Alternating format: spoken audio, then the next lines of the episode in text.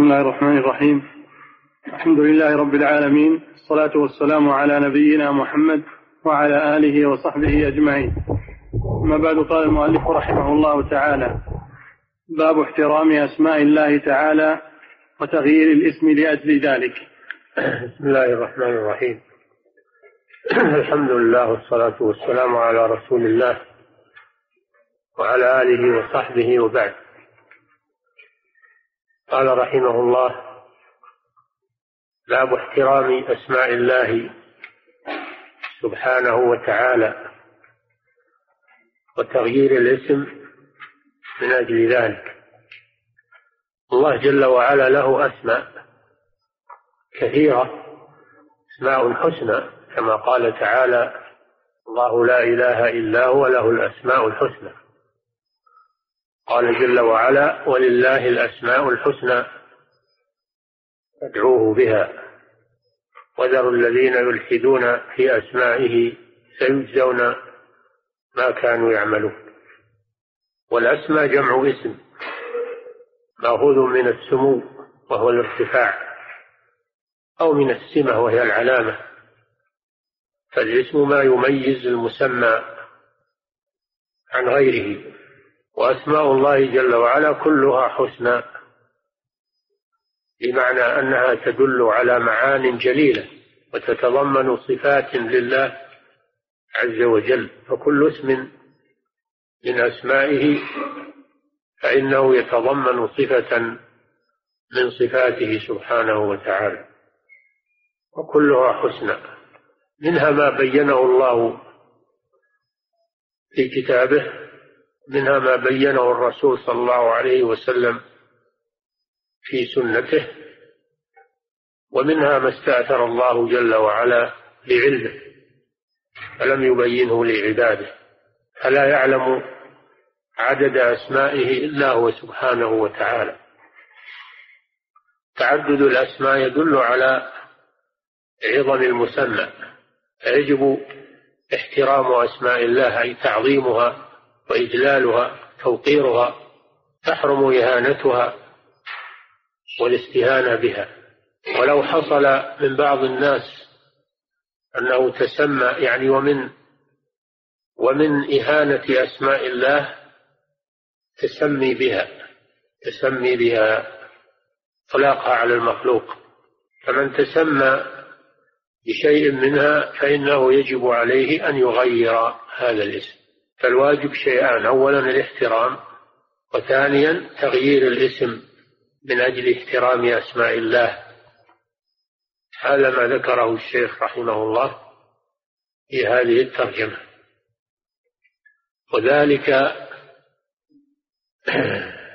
من كمال توحيد الله عز وجل احترام أسماء الله وتغيير الاسم من أجل احترامها من كمال توحيد الله عز وجل الكمال الواجب الكمال الواجب.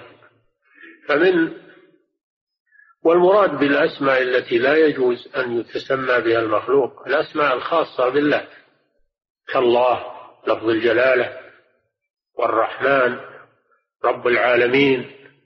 هذه أسماء خاصة بالله لا يجوز لأحد أن يتسمى بها لا يسمى بلفظ الجلالة غير الله جل وعلا. والرحمن لا يسمى به غير الله جل وعلا. رب العالمين لا يسمى به غير الله سبحانه. وأما بقية الأسماء تطلق على المخلوق لكنها خاصة بالمخلوق. معانيها خاصة بالمخلوق لائقة به السميع والبصير والعزيز والملك. أشبه ذلك الرؤوف رؤوف الرحيم. هذه يسمى بها المخلوق لكن مع الفرق بين أسماء الله من هذه الأسماء وأسماء المخلوق. أسماء الله تليق به وأسماء المخلوق تليق به. فالاسم الذي يجب يحرم التسمي به هو ما كان مختصا بالله عز وجل. وهذا من الإلحاد في أسمائه سبحانه. قال الله جل وعلا وذروا الذين يلحدون في أسمائه سيجزون ما كانوا يعملون. فمن الإلحاد في أسماء الله تسمية المخلوقات فيه كما قالوا عن العزة أن الصنم المعروف أنها مأخوذة من العزيز وأن اللات مأخوذة من اسم الجلالة من الله وأن منات مأخوذة من المنان قيل هذا فهذا من الإلحاد. إطلاقها على المخلوق هذا من الإلحاد فيه. كذلك من باب أولى من الإلحاد أعظم الإلحاد فيها إنكارها ونفيها عن الله كما فعلت الجهمية. الإلحاد في أسماء الله نفيها وجحودها وهم يكفرون بالرحمن. وكذلك من الإلحاد فيها تأويلها على غير معناها الصحيح كما فعلت المعتزلة والأشاعرة من من تأويل أسماء الله عن معانيها الصحيحة إلى معاني لم يردها الله سبحانه وتعالى. فهذا كله من الاستهانة بأسماء الله جل وعلا. وكذلك من الاستهانة بها إلقاؤها في الأرض ودوس الدوس عليها أو إلقاء الوراث فإن كان من فعل ذلك يقصد الإهانة فهو كافر يكفر بذلك. فإذا داس على أسماء الله أو ألقاها في القاذورات أو في المزابل قاصدا ذلك هذا ردة عن دين الإسلام. وأما إذا كان لم يقصد ذلك ولكنه لم ينتبه لهذا الشيء فهذا محرم. محرم ولا ولا يقتضي الردة لأنه لم يفعل هذا قاصدا إهانتها وإنما فعله غفلة أو جهلا منه. فعلى كل حال أسماء الله يجب احترامها تعظيمها وتوقيرها وإجلالها. نعم. عن أبي شريح أنه كان يكنى أبا الحكم. فقال له النبي صلى الله عليه وسلم إن الله هو الحكم وإليه الحكم. فقال إن قومي إذا اختلفوا في شيء أتوني فحكمت بينهم فرضي كلا الفريقين. فقال ما أحسن هذا؟ فما لك من الولد؟ قلت شريح ومسلم وعبد الله. قال فمن أكبرهم؟ قلت شريح. قال فأنت أبو شريح رواه أبو داود وغيره. نعم استدل المؤلف رحمه الله لهذه الترجمة بهذا الحديث. هو حديث أبي شريح. أنه كان يكنى أبا الحكم. فلما سمع النبي صلى الله عليه وسلم هذا هذه اللفظة أنه كان يكنى أبا الحكم.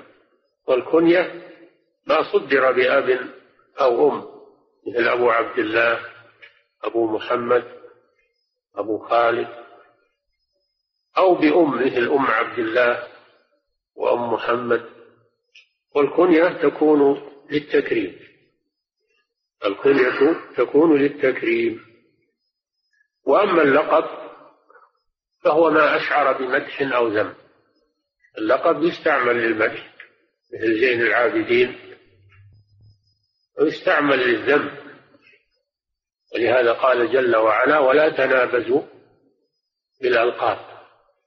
إذا كان اللقب يشعر بذنب فإنه لا يجوز استعماله تنقص تنقص الشخص. ولا تنابزوا بالألقاب. فاللقب ما أشعر بمدح أو ذم وأما الكنية فإنها لا تستعمل إلا للمدح والتكريم. فهذا الرجل كان يكنى أبا الحكم. فلما سمع النبي صلى الله عليه وسلم ذلك استنكره. وقال إن الله هو الحكم وإليه الحكم. يعني فلا يليق بك أن تتسمى أو أن تتكنى بهذه الكنية. هذا وجه الشاهد من حديث للترجمة إن الله هو الحكم وإليه الحكم.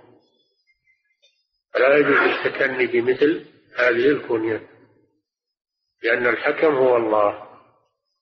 فأبو شريح بين للنبي صلى الله عليه وسلم السبب في هذه التكنية وأنه هو لم يسمي نفسه بذلك وإنما الناس أطلقوها عليه لسبب وهو أنه كان إذا اختلف قومه في شيء رجعوا إليه فحكم بينهم فرضي كلا الفريقين رضي كلا الفريقين بحكمه. هذا هو الصلح الإصلاح بين الناس وهذا أمر طيب. ولهذا قال صلى الله عليه وسلم ما أحسن هذا؟ إن الله جل وعلا يقول لا خير في كثير من نجواهم إلا من أمر بصدقة أو معروف أو إصلاح بين الناس. قال سبحانه وإن طائفتان من المؤمنين اقتتلوا فأصلحوا بينهما بالعدل وأقسطوا. إن الله يحب المقسطين. إنما المؤمنون إخوة فأصلحوا بين أخويكم. الصلح مطلوب. ولكن الصلح ليس فيه إلزام وإنما فيه تراضي. ولهذا قال أبو شريح قال تراضي كلا الفريقين. أما الصلح الذي يكون معه إلزام في أحد الطرفين هذا لا يجوز. هذا لا يجوز لأنه ظلم. الصلح يمشي على الرضا والتراضي. فالذي يحكم بين الناس بغير كتاب الله وسنة رسوله ويلزمهم بذلك كالقوانين الوضعية أو عوائد البادية سوالف البادية والعوارف القبلية. هذا حكم بغير ما أنزل الله وهو من حكم الطاغوت. والله جل وعلا يقول ومن لم يحكم بما أنزل الله فأولئك هم الكافرون. فهذا لا يجوز لأنه لا يجوز الإلزام إلا بما هو في كتاب الله أو في سنة رسول الله صلى الله عليه وسلم. هذا هو الذي يلزم به. وأما الصلح الذي يجري بين الناس فهذا لا لا يصح إلا مع التراضي من الطرفين. فإن لم يتراضوا فلا بد من الرجوع إلى كتاب الله.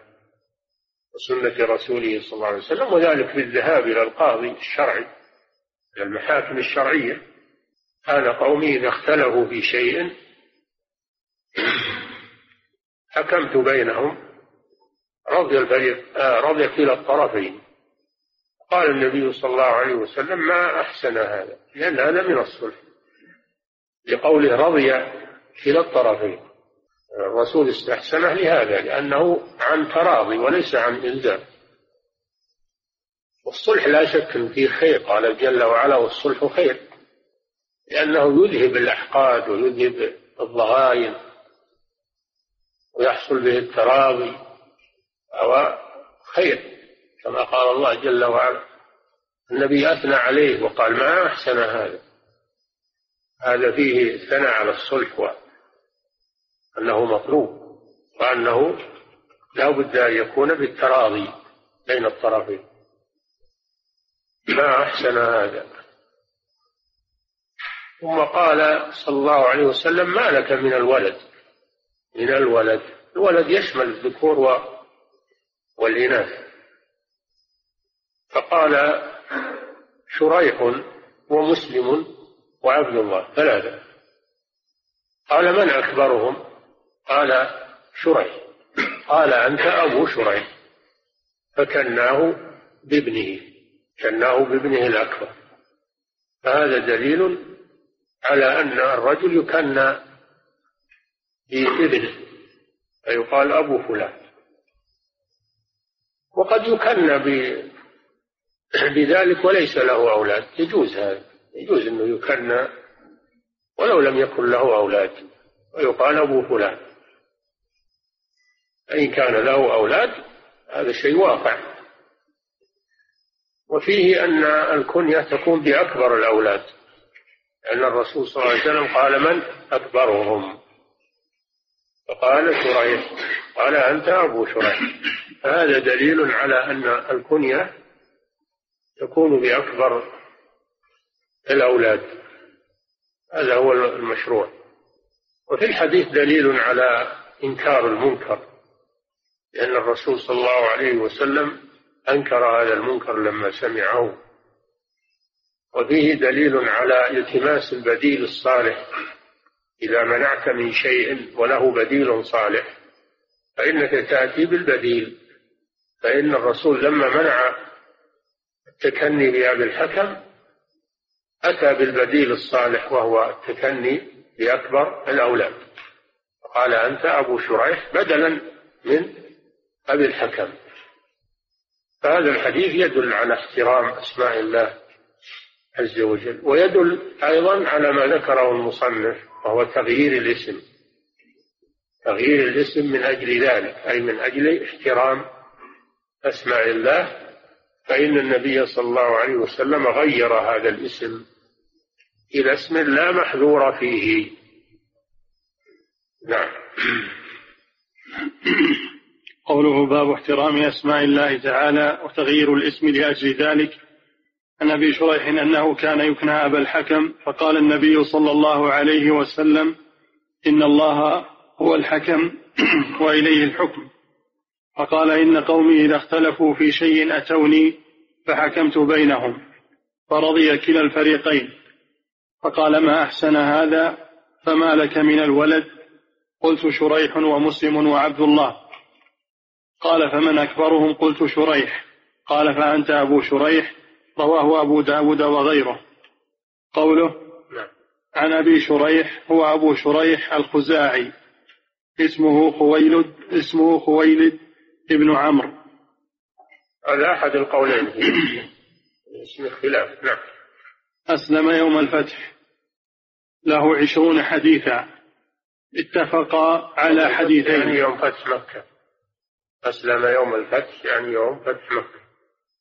السنة الثامنة من الهجرة. نعم.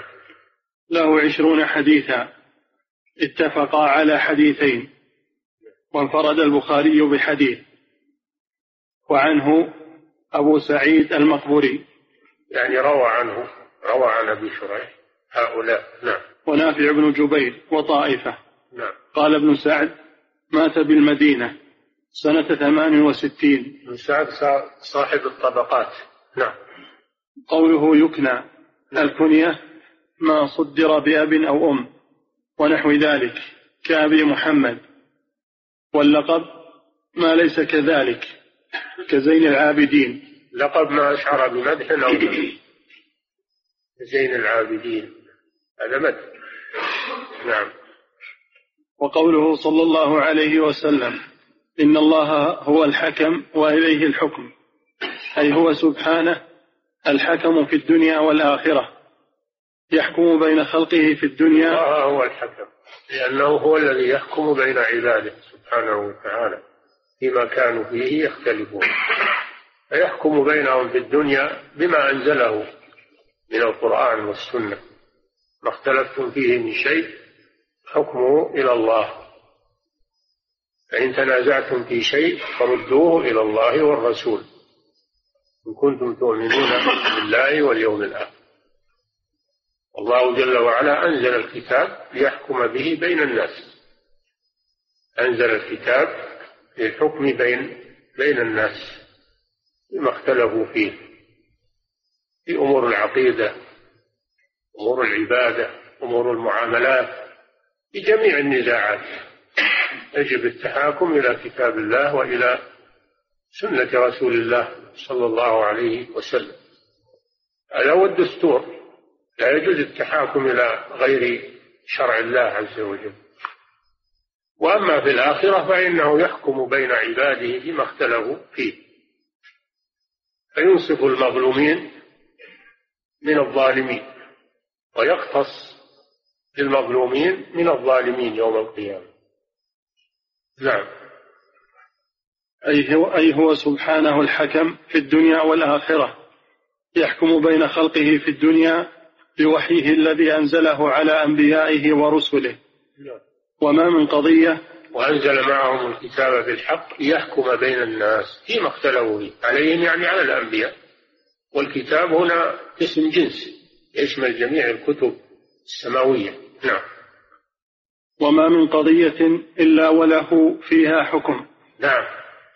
الله جل وعلا جعل هذا القرآن حاكما بين الناس وشاملا لجميع منازعاته.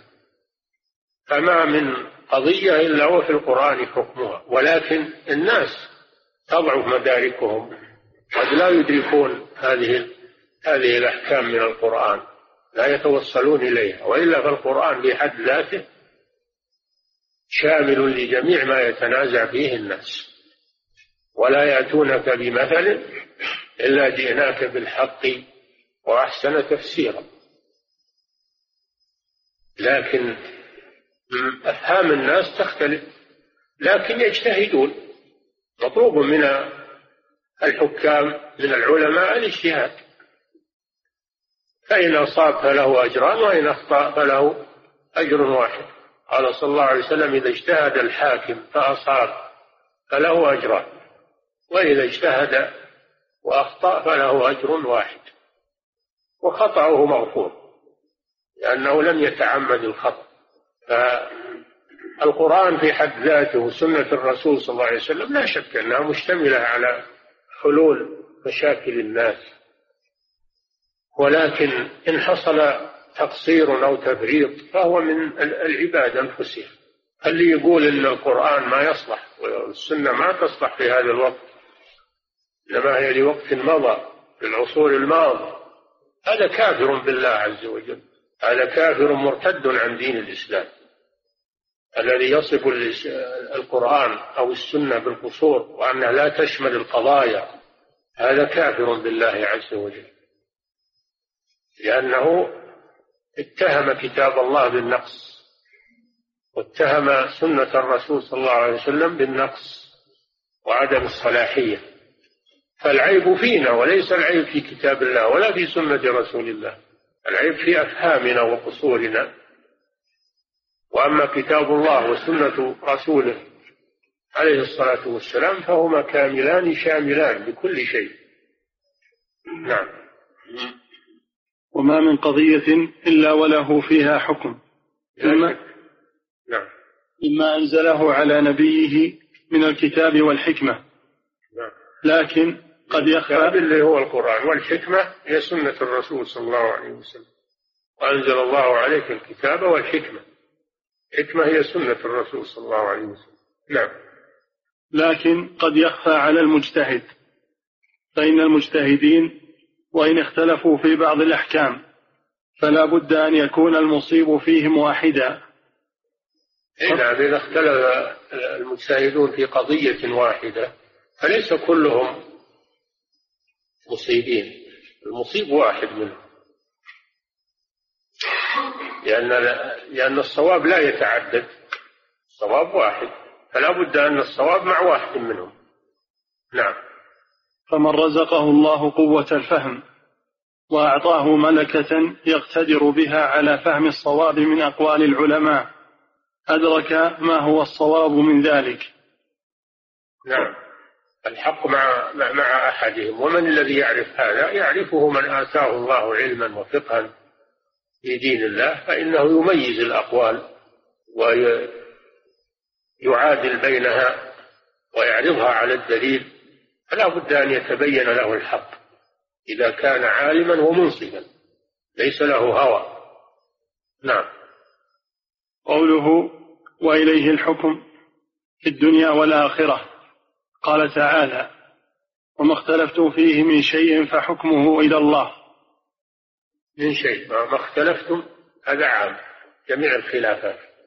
ثم أكد ذلك بقوله من شيء. أي أي شيء تختلفون به؟ فإن حكمه إلى الله. الله حكم فيه ويجب الرجوع إلى حكم الله لا إلى غيره. نعم. وقال تعالى فإن تنازعتم في شيء فردوه إلى الله والرسول. الآية. إن كنتم تؤمنون بالله واليوم الآخر ردوه إلى الله إلى كتاب الله والرسول يوم أن كان حيا عليه الصلاة والسلام يرد إليه. وبعد مماته صلى الله عليه وسلم يرجع إلى سنته. قال عليه الصلاة والسلام إني تارك فيكم ما إن تمسكتم به لن تضلوا بعدي. كتاب الله وسنتي. قال عليه الصلاة والسلام فإنه من يعش منكم فسيرى اختلافا كثيرا. فعليكم بسنتي. سنة الخلفاء الراشدين المهديين من بعد. نعم. فالحكم إلى الله هو الحكم إلى كتابه. والحكم إلى رسوله هو الحكم إليه في حياته وإلى سنته بعد وفاته. قوله فإن قومي إذا اختلفوا في شيء أتوني فحكمت بينهم فرضي كلا الفريقين. المعنى والله أعلم أن أبا شريح كان مرضيا عندهم يتحرى ما يصلحهم إذا اختلفوا فيرضون صلحه فسموه حكما. لأنه منصف. لأنه منصف لا يتحيز. ليس له هوى إنما قصده إزالة النزاع بين الناس تسوية النزاع هذا شيء طيب. الذي يحاول إزالة النزاع بين المسلمين ويتحرى العدل في ذلك هذا له أجر عظيم. وهذا من الصدقة التي يتصدق بها الإنسان على نفسه كل يوم. تعدل بين كل اثنين صدقة من الصدقات. أما الذي يحرش بين الناس ويثير الفتن ويحرض بعضهم على بعض هذا والعياذ بالله هذا مفسد. هذا من المفسدين في الأرض. نعم. وأما ما يحكم به الجهلة من الأعراب ونحوهم من سوالف آبائهم وأهوائهم فليس من هذا الباب. لا هذا ليس من الصلح. هذا ليس من الصلح لأنه إلزامي. والإلزام لا يكون إلا بكتاب الله وسنة رسوله صلى الله عليه وسلم. فهؤلاء يحكمون بين الناس بالقوانين الوضعية ويلزمونهم بها يفرضونها عليهم. أو بأعراف البادية كما يفعله البدو يتحاكمون إلى رؤسائهم يحكمون بينهم بالعوايد هذا حكم بغير ما أنزل الله عز وجل. نعم. يلزمون الناس به. نعم. وليس من هذا الباب بما فيه من النهي الشديد والخروج عن حكم الله ورسوله إلى ما يخالفه. كما قال الله تعالى ومن لم يحكم بما أنزل الله فأولئك هم الكافرون. وليس هذا خاصا بالنزاع في مسائل الأموال أو الخصومات هذا عام في كل الخلافات. خلافات في الأقوال الفقهية والأقوال العقائدية وكل خلاف كل خلاف إنه يجب الرجوع فيه إلى كتاب الله سنة رسوله صلى الله عليه وسلم. من باب أولى مسائل العقيدة. هي أولى مسائل المذاهب والاجتهادات الفقهية. فإنه يجب الرجوع إلى كتاب الله وسنة رسوله صلى الله عليه وسلم. والأخذ بما دل عليه الدليل من أقوال العلماء وأقوال المجتهدين. نعم. وهذا كثير. فمن الناس من يحكم بين الخصمين برأيه وهواه. ومنهم من يتبع في ذلك سلفه ويحكم بما كانوا يحكمون به. وهذا كفر. إذا استقر وغلب على من تصدى لذلك ممن يرجع الناس إليه إذا اختلفوا. نعم هذا كفر بنص الآية. من لم يحكم بما أنزل الله فأولئك هم الكافرون. فلا وربك لا يؤمنون حتى يحكموك فيما شجر بينهم. ثم لا يجدوا في أنفسهم حرجا مما قضيت ويسلموا تسليما. نفى الإيمان عن هؤلاء وحكم عليهم بالكفر. نعم. قوله صلى الله عليه وسلم فما لك من الولد؟ قال شريح ومسلم وعبد الله. قال فمن أكبرهم؟ قلت شريح. قال فأنت أبو شريح. فكناه بالكبير وهو السنة. السنة أن يكن بأكبر أولاده ولا يكن بالصغير. نعم. وغير كنيته بأبي الحكم لأن الله هو الحكم على الإطلاق ومنه تسمية الأئمة بالحكام فينبغي ترك ذلك والنهي عنه بهذا الحديث وهذا قد حدث في الناس قريبا. يعني تلقيب الأمراء بالحكام هذا لا ينبغي. هذا حدث في القرون المتأخرة. إنما يقال له أمير أو خليفة أو سلطان فقط ما يقال له الحاكم هذا لا يطلق إلا على حاكم الشرع اللي هو القاضي. نعم. قال رحمه الله فيه مسائل. نعم. الأولى احترام أسماء الله وصفاته ولو لم يقصد معناه.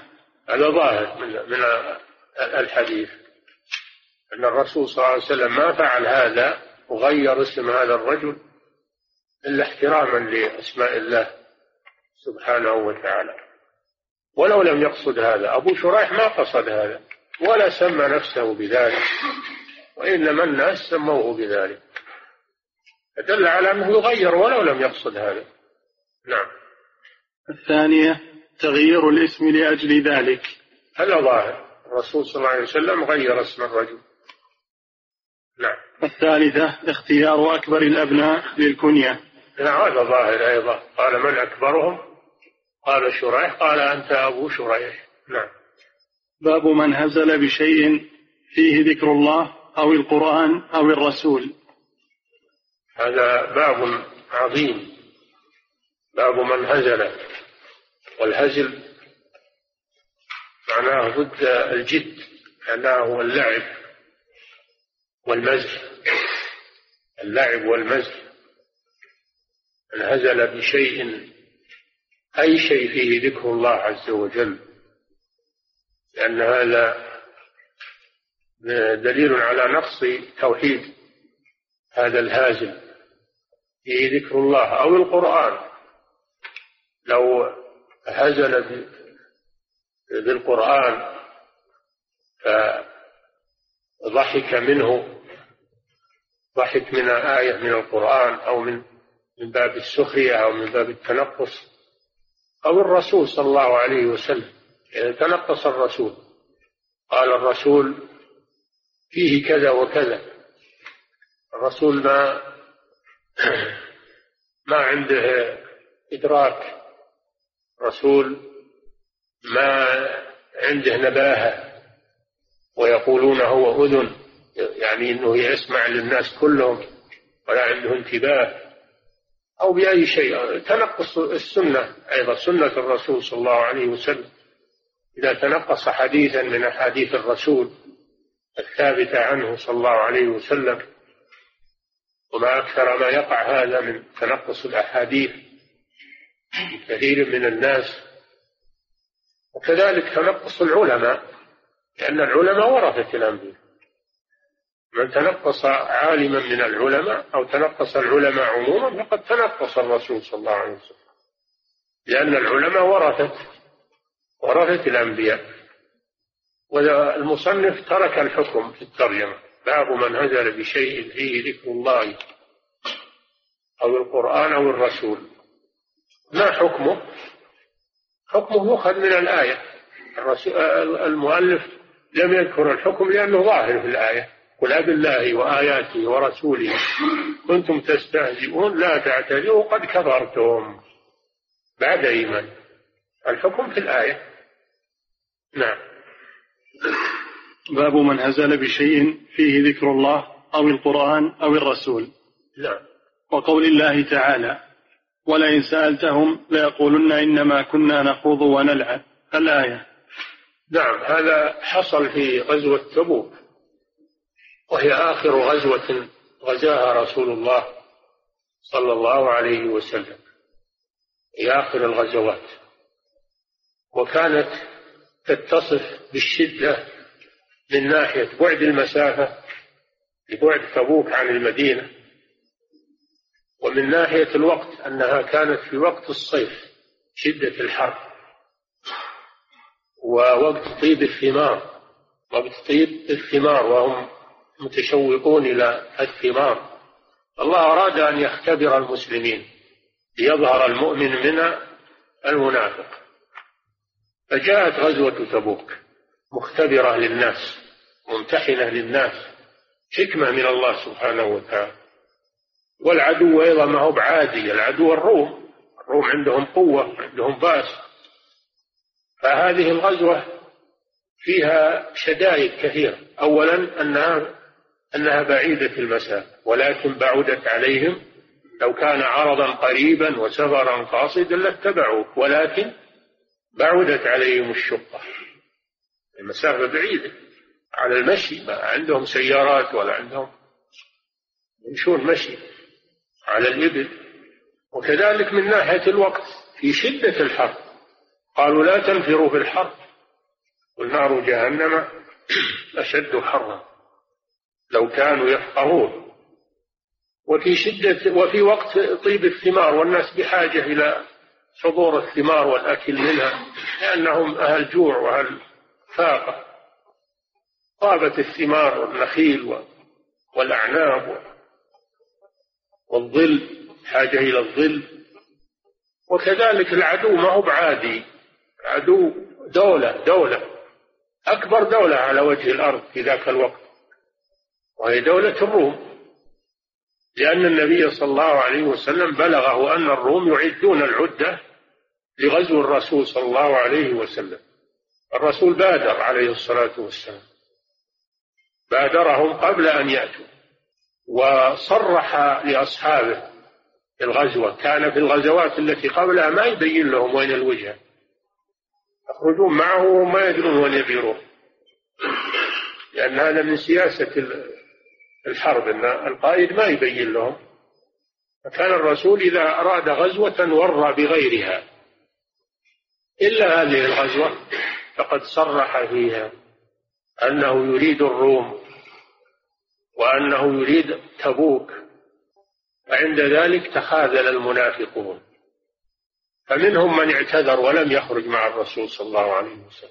ومنهم من يقول ائذن لي ولا تفتني. ألا في الفتنة سقطوا وإن جهنم لمحيطة بالكافرين. ولو أرادوا الخروج لأعدوا له عدة. ولكن كره الله انبعاثهم فثبطهم وقيل اقعدوا مع القاعدين. فمنهم من اعتذر ولم يخرج. وهو ما له عذر. ما له عذر. إلا الخوف من الروم والرغبة في الراحة والظل والأكل من الثمار. وعدم تجشم المشقة. ومنهم من خرج مع الرسول صلى الله عليه وسلم وحصل منه ما حصل مثل ما ذكر الله في هذه الآية. وأما أهل الإيمان فلم يترددوا. أهل الإيمان لم يترددوا في الخروج مع الرسول صلى الله عليه وسلم. خرجوا طيب نفوسهم مرتبطين صابرين محتسبين. فتميز المؤمن من المنافق. أنزل الله سورة التوبة تسمى الفاضحة لأنها فضحت المنافقين وهتكت أستارهم ومنهم ومنهم ومنهم. سورة عظيمة بينت ضغائن المنافقين. إذا قرأتها تجد فيها العجب العجاب وأثنى الله على المؤمنين. ثناء عظيما ووعدهم بعظيم الأجر والثواب. الذين صدقوا مع الرسول صلى الله عليه وسلم ولم يثنهم المشقة ولم يثنهم قوة العدو. الروم لما علموا بأن الرسول خرج إليهم ونزل في تبوك أصابهم الرعب فلم يتحركوا من مكانه. وجلس النبي صلى الله عليه وسلم في تبوك عشرين يوما ينتظر. فلما لم يأتوا رجع الرسول صلى الله عليه وسلم إلى المدينة. قفل إلى المدينة سالما هو وأصحابه. ما نالهم سوء من العدو. وكبت الله العدو وألقى الرعب في قلوب الروم. هذه غزوة تبوك. وما فيها من الأسرار والحكم. والعبر والعظات. نعم. وهي غزاها رسول الله صلى الله عليه وسلم. في آخر الغزوات. نعم. ليقولن إنما كنا نخوض ونلعب. دعاك الله إلى طائفة منهم فاستأذنوك للخروج فقل لن تخرجوا معي أبدا ولن تقاتلوا معي عدوا. يعني هذا يدل على أن هذه آخر غزوة. الرسول صلى الله عليه وسلم وهي اختبار وامتحان. فنجح أهل الإيمان وأخفق أهل النفاق الذين يدعون الإيمان وهم كاذبون. وهكذا المحن يتبين فيها المؤمن الصادق من المنافق. نعم. أما وقت الرخاء الناس سواء ما يعرف المؤمن من من المنافق الناس سواء كلهم يدعون الإيمان والإسلام. لكن إنما يتبين المنافق وقت الشدائد. نعم. وقول الله تعالى ولئن سألتهم ليقولن إنما كنا نخوض ونلعب. الآية. ولئن سألتهم عما القصة أن كما يأتي في الباب أن جماعة منهم حينما قفل النبي صلى الله عليه وسلم من تبوك جلسوا جماعة من من ضعاف الإيمان وصاروا يتكلمون ويقولون ما رأينا مثل قرائنا هؤلاء يعنون رسول الله صلى الله عليه وسلم وأصحابه. أرغب بطونا يعني أنهم يحبون الأكل والشرف وأكذب ألسنا وأجبن عند اللقاء يعنون رسول الله صلى الله عليه وسلم وأصحابه. فكان شاب من شباب الأنصار حاضرا وهو عوف بن مالك الأشعري رضي الله عنه. فقال للمتكلم كذبت ولكنك منافق. أنكر عليه والبقية سكتوا. المتكلم واحد والبقية سكتوا فصار حكمهم حكم المتكلم لأنهم لم ينكروا عليه. عوف بن مالك ذهب إلى الرسول صلى الله عليه وسلم مسرعا فوجد الوحي قد سبقه وأنزل الله على رسوله هذه الآية. ولئن سألتهم ليقولن إنما كنا نخوض ونلعب. قل أب الله وآياته ورسوله كنتم تستهزئون لا تعتذروا قد كفرتم بعد إيمان فجاء, فجاء هذا الرجل الذي تكلم لما علم أن الرسول بلغه الخبر جاء يعتذر إلى الرسول صلى الله عليه وسلم. الرسول لم يلتفت إليه ولم يزد أن أن يقول له قل أب الله وآياته ورسوله كنتم تستهزئون لا تعتذروا. قد كفرتم بعد إيمان. الرجل تعلق بنسعة ناقة الرسول صلى الله عليه وسلم. يعتذر والرسول لا يلتفت إليه وإنما يقرأ الآية. الرسول لما حصلت الحادثة أمر بالرحيل لأجل أن يفسد الخطة على المنافقين لئلا يحصل في الناس آه كلام. الرسول أمر بالرحيل وجاء الرجل وأدرك الرسول وقد رحل وركب الراحل. ما ترك له مجال ولا جلس له ولا استقبله بل ولم يلتفت إليه. ولا يزيد على تلاوة الآية الكريمة. نعم. عن ابن عمر ومحمد بن كعب وزيد بن أسلم وقتادة. ابن عمر وعبد الله بن عمر. ومحمد بن كعب القرظي صاحب السيرة. نعم الذي يروى عنه كثير من أمور السيرة. نعم. وزيد بن أسلم. زيد بن أسلم مولى عمر بن الخطاب. نعم. وقتادة. وقتادة بن دعامة السدوسي. من من أعلام التابعين. نعم. دخل حديث بعضهم في بعض. يعني توافقت روايتهم فاكتفي بسياق واحد لأن روايتهم متوافقة. نعم. أنه قال رجل في غزوة تبوك ما رأينا مثل قرائنا هؤلاء؟ أرغب قاله رجل قاله رجل واحد. والله أسند الحكم إلى الجميع كلها للمجلس. ولئن سألتهم ما قال ولئن سألته ولئن سألتهم ليقولن إنما كنا نخوض ونلعب. فأسند مقالة الرجل إلى الجماعة الجالسين معه لأنهم لم ينكروا عليه. فدل على أن من لا ينكر المنكر فإنه يكون حكمه حكم فاعل المنكر. نعم. وأن من تكلم بالردة ولم يرد عليه الحاضر فإن حكمه يكون حكم في الردة لأنه رضي بذلك. نعم. أنه قال رجل في غزوة تبوك ما رأينا مثل قرائنا هؤلاء أرغب بطونا ولا أكذب يعني يحبون الأكل شرهين. هل الصحابة يحبون الأكل؟ الصحابة يطوون ويصومون ويقاتلون مع رسول الله صلى الله عليه وسلم. أحيانا ما معهم شيء يأكلون ورق الشجر. أحيانا يأكلون الجراد. يأكلون يقتاتون يعيشون على الجراد ما معهم غير. معهم أحيانا يكون معهم تمرات عدد من التمرات هؤلاء يقال الرب بطونا هذه صفة المنافقين. نعم. لكن كما يقال رمتني بدائها وانسلت. هذه صفات المنافقين. خلعوها على المسلمين. نعم. ولا أكذب ألسنا وهل الرسول والصحابة يكذبون؟ هذه صفة المنافقين. المنافق هو الذي إذا حدث كذب. نعم. ولا أجبن عند اللقاء. هل الصحابة جبناء الذين غزوا مع الرسول صلى الله عليه وسلم وجاهدوا معه وفتحوا الفتوح بعده ونشروا الإسلام. هؤلاء جبناء. هذا صفة المنافقين. هم الجبناء. نعم. يعني رسول الله صلى الله عليه وسلم وأصحابه القراء. نعم. فقال له عوف بن مالك. فدل على أن الذي يسب العلماء يتلقص العلماء ويتكلم فيهم أنه حكم حكم هؤلاء. نعم. فقال له عوف بن مالك كذبت ولكنك منافق. لأخبرن رسول الله صلى الله عليه وسلم. نعم. فذهب عوف إلى رسول الله صلى الله عليه وسلم إنكار المنكر. هذا فيه وجوب إنكار المنكر أن عوفا رضي الله عنه كان شابا صغيرا ومع هذا وقف هذا الموقف العظيم. نعم.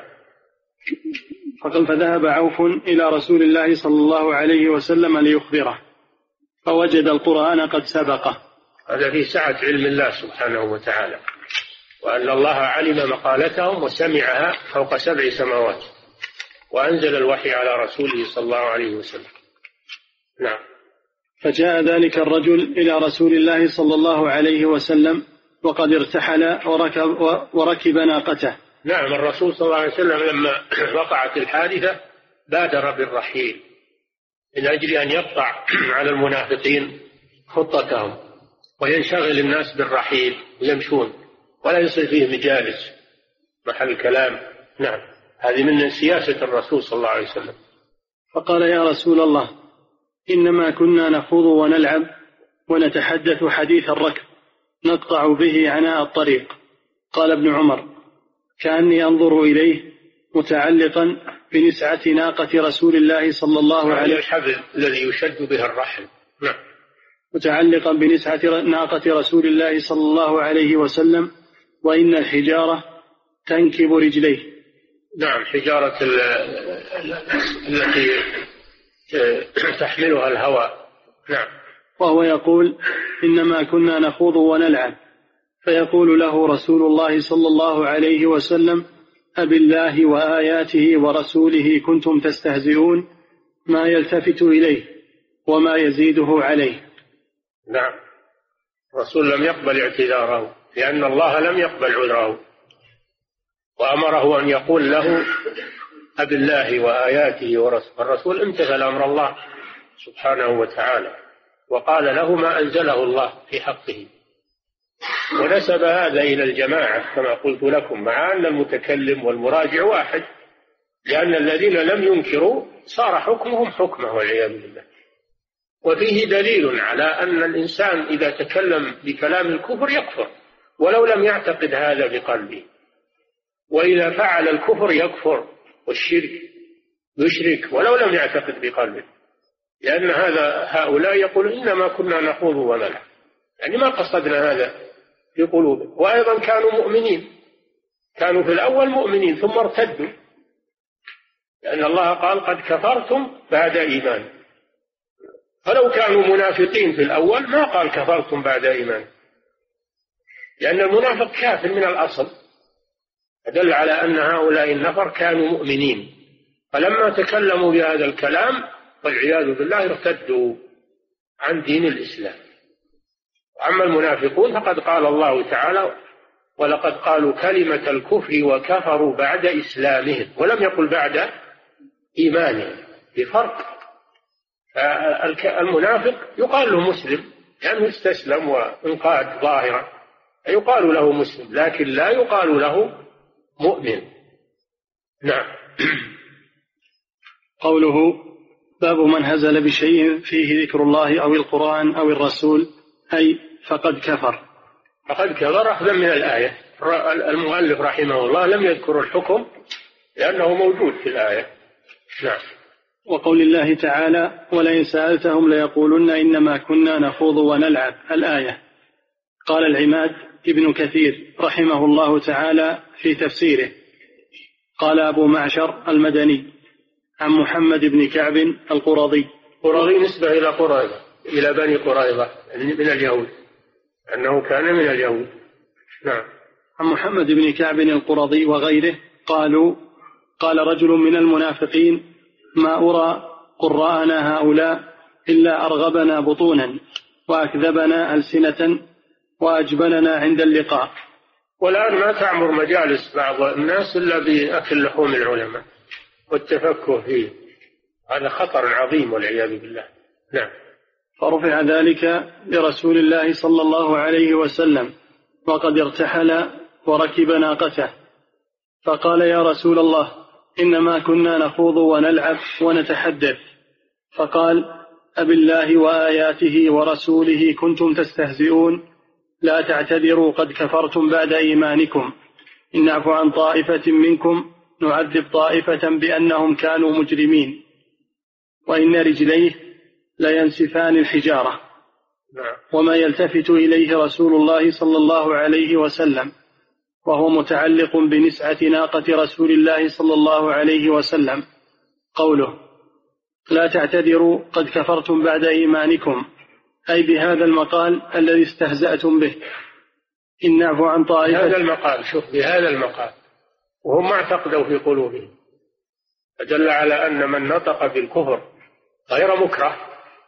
نطق بكلمة الكفر وهو غير مكره أنه يكفر ولو لم يعتقد بقلبه. هذا فيه رد على المرجئة الذين يقولون من فعل الكفر أو تكلم بالكفر ما يحكم عليه حتى يعتقد بقلبه. من قال هذا؟ هذا خلاف ما ذكره الله في هذه الآية وغيره. نعم. إن نعفو عن طائفة منكم نعذب طائفة أي لا يعفى عن جميعكم. ولا بد من عذاب بعضكم لأنهم كانوا مجرمين بحال الذين تابوا منهم رجل قال مخشي بن حمير تاب بالحال تاب وهو في المجلس إلى الله عز وجل فتاب الله عليه. نعفو عن طائفة منكم واحد. الواحد يسمى طائفة. نعم. أي لا يعفى عن جميعكم ولا بد من عذاب بعضكم بأنهم كانوا مجرمين بهذه المقالة الفاجرة الخاطئة. انتهى. نعم. قال شيخ الإسلام رحمه الله تعالى وقد أمره الله تعالى أن يقول قد كفرتم بعد إيمانكم.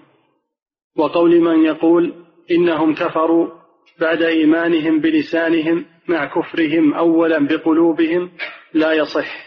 هذا يعني بعضهم يقول هذول منافقين من الأصل. منافقين من الأصل. الشيخ تقي الدين يقول لا هؤلاء كانوا مؤمنين في الأصل. ولكنهم ارتدوا لما نطقوا بهذه الكلمة لأن الله قال كفرتم بعد إيمانكم. ولو كانوا منافقين من الأصل ما قال فيهم كفرتم بعد إيمانكم. نعم.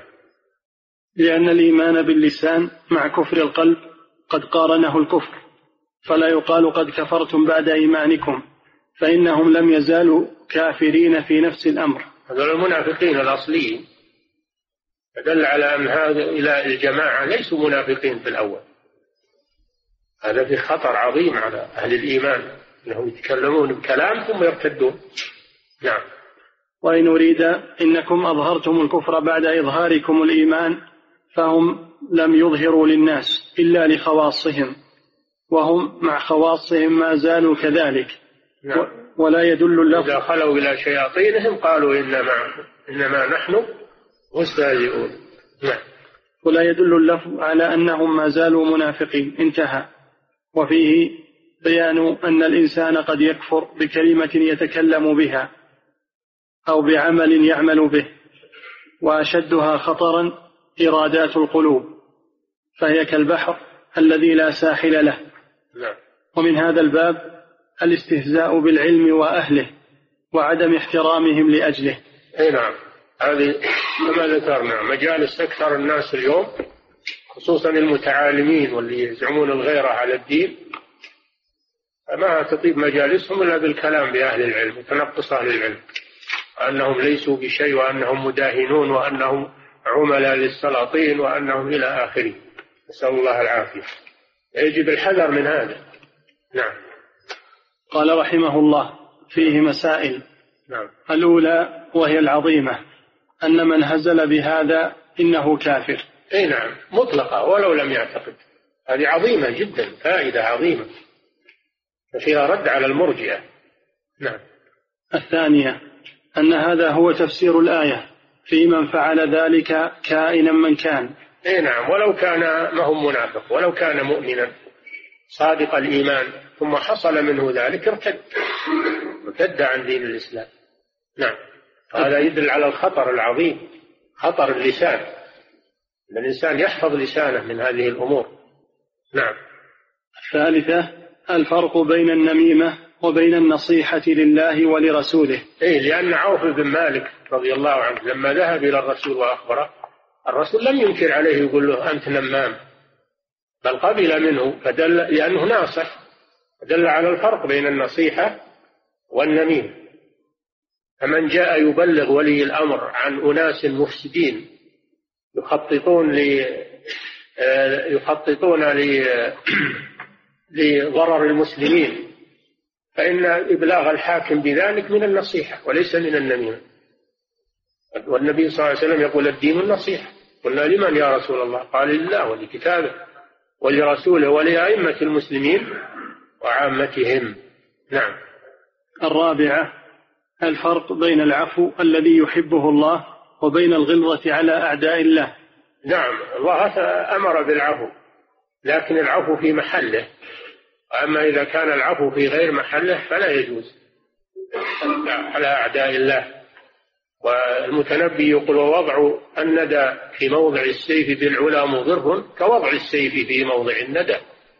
الأمور لها مواضع العفو له مواضع والغلظة لها مواضع. نعم. الخامسة أن من الاعتذار ما ينبغي أن يقبل. إي نعم. من الاعتذار ما ينبغي أن يقبل وهو اللي الاعتذار الصادق. الاعتذار الصادق الذي لا يصل إلى هذا الحد. نعم. يقول فضيلة الشيخ وفقكم الله قول الشارح رحمه الله وفيه تسمية الأئمة بالحكام فينبغي ترك ذلك. كيف يجمع بين هذا وبين قول النبي عليه الصلاة والسلام إذا اجتهد الحاكم فأصاب فله أجران. هذا العالم. اجتهد الحاكم يعني الفقيه العالم. ومراد المصنف بالحكام يعني الأمراء. نعم اللي ما هم علماء. الأمراء الذين ليسوا علماء. نعم. يقول فضيلة الشيخ وفقكم الله التكني باسم الأب هل هو من البر؟ إيش؟ التكني باسم الأب هل هو من البر؟ ما ما في تكني باسم الله بالعكس تكني باسم الإبن. أبو عبد الله أبو فلان. قال ابن فلان هذا ما يسمى كنية هذا انتساب. ابن فلان هذا انتساب. نعم. يقول فضيلة الشيخ وفقكم الله يوجد عند بعض الناس عادة وذلك أنه إذا حصل مشكلة معينة فإنهم يذهبون إلى ما يعرف بمقطع الحق. وهو رجل يحكم بينهم وهو في صورة صلح لكنه ملزم. ملزم ما هو بصلح الملزم ما هو بصلح الصلح لازم يكون عن تراضي ويكون فيه عدل ولا فيه حيف ولا جور. نعم. يقول فضيلة الشيخ وفقكم الله عند البادية يأتون إلى رجل يحكم بينهم وقبل أن يأتوه يضع كل واحد منهم مبلغا كألف ريال. وفائدة هذا المبلغ أنه إذا لم يرضى طرف منهم بالحكم فإن هذا المبلغ يذهب. فهل هذا يجوز. هذا من أكل أموال الناس بالباطل. لا يجوز هذا العمل. نعم. يقول فضيلة الشيخ وفقكم الله في هذا الزمان هذا معناه الإلزام. يقول أمة تقبل ولا يروح عليك المبلغ؟ هذا هو الإلزام. نعم. يقول فضيلة الشيخ وفقكم الله في هذا الزمان اشتهر بالملاعب اسم الحكم الذي يحكم بين الفريقين ويسمى الحكم الدولي أو الحكم المحلي. فهل هذا منهي عنه؟ حكم وش فيه اللعب. هزل ما هو ما هو ولا هو بحكم هذا. هذا لعاب. نعم. يقول فضيلة الشيخ وفقكم حكم اللي يسوي النزاع بين الناس. ابعثوا حكما من أهله وحكما من أهلها هذا يسوي النزاع يصلح بين الناس. أما اللي بالملاعب هذا ما هو بيصلح ولا هو بحكم. هذا لعاب قال له لعاب أو كبير اللعابين نعم. يقول فضيلة الشيخ وفقكم الله. أحيانا تفرش الجرايد ويؤكل عليها وفيها من أسماء الله تعالى وفيها آيات من القرآن. فما حكم هذا؟ لا يجوز. ينبغي أنه ينظر في الجريدة إن رأى فيها آية أو حديثا أو اسما من أسماء الله إنه لا يفرشها ينبغي أنه يتفقدها قبل خصوصا إذا كانت تصدر في بلاد المسلمين. لا تخلو في الغالب. نعم. يقول فضيلة الشيخ وفقكم الله أرجو الجواب عن قول بعض الناس إن ساب الرسول صلى الله عليه وسلم أو المتنقص له أو, أو الذي يهين القرآن لا يكفر إلا, إلا إذا اعتقد ذلك. ودليلهم إلقاء موسى عليه الصلاة والسلام للألواح. فما هو الجواب عن هذا؟ عليه السلام ما ألقاها استهانة بها بل ألقاها من الغيرة والغضب لله عز وجل. ألقاها من الغيرة والغضب. لما رأى قومه يعبدون العجل أخذته الغيرة عليه الصلاة والسلام والغضب لله عز وجل ولم يفعل هذا من باب الاستهانة بالتوراة. سبحان الله ما هذا الاستدلال المعكوس؟ نسأل الله العافية. نعم. يقول فضيلة الشيخ وفقكم الله ما حكم من أطلق على عالم من العلماء في بلد إسلامي الإمام الأكبر؟ هو حسب يعني اللقب هذا ضخم ما ينبغي. لكن ما هو مثل الحكم.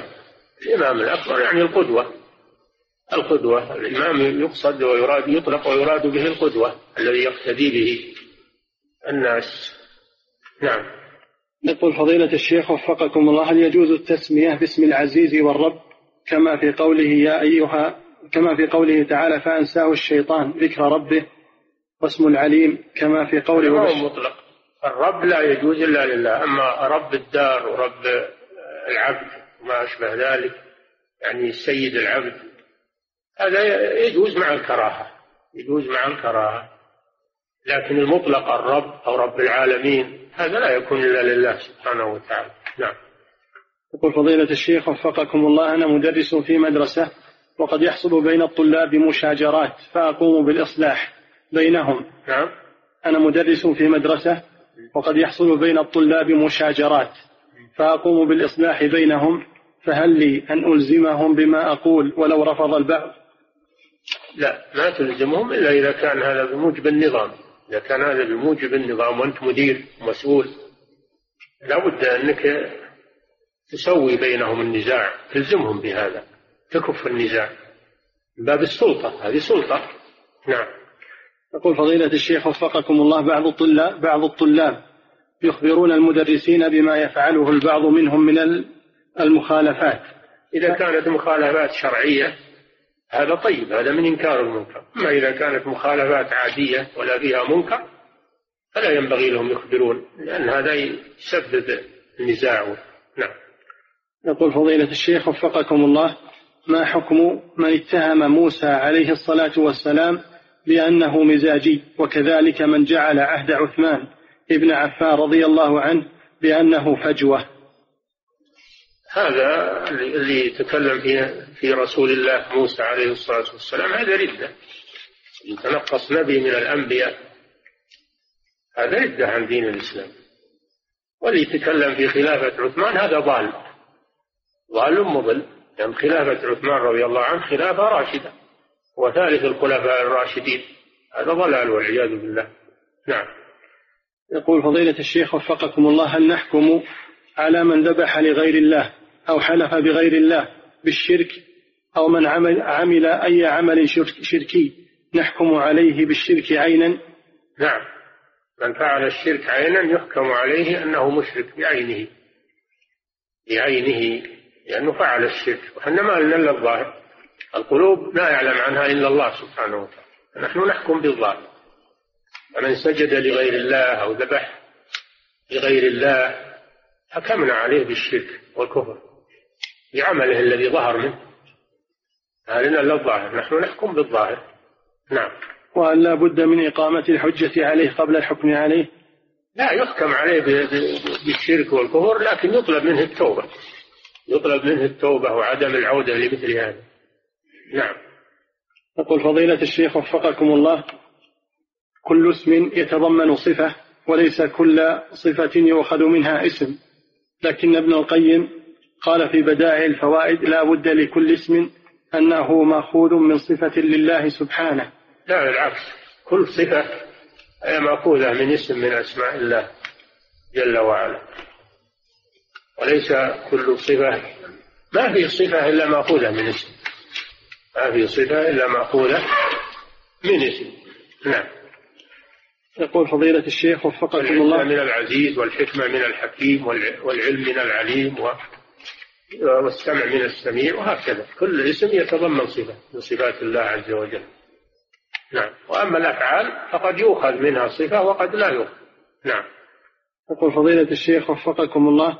هل يجوز لأهل مدينة تابعة لدولة ما؟ لا تحكم بما أنزل الله أن يحكموا بشرع الله ويجعلوا من بينهم من يحكم لهم بذلك ولا يتحاكمون إلى القوانين الوضعية في تلك الدولة.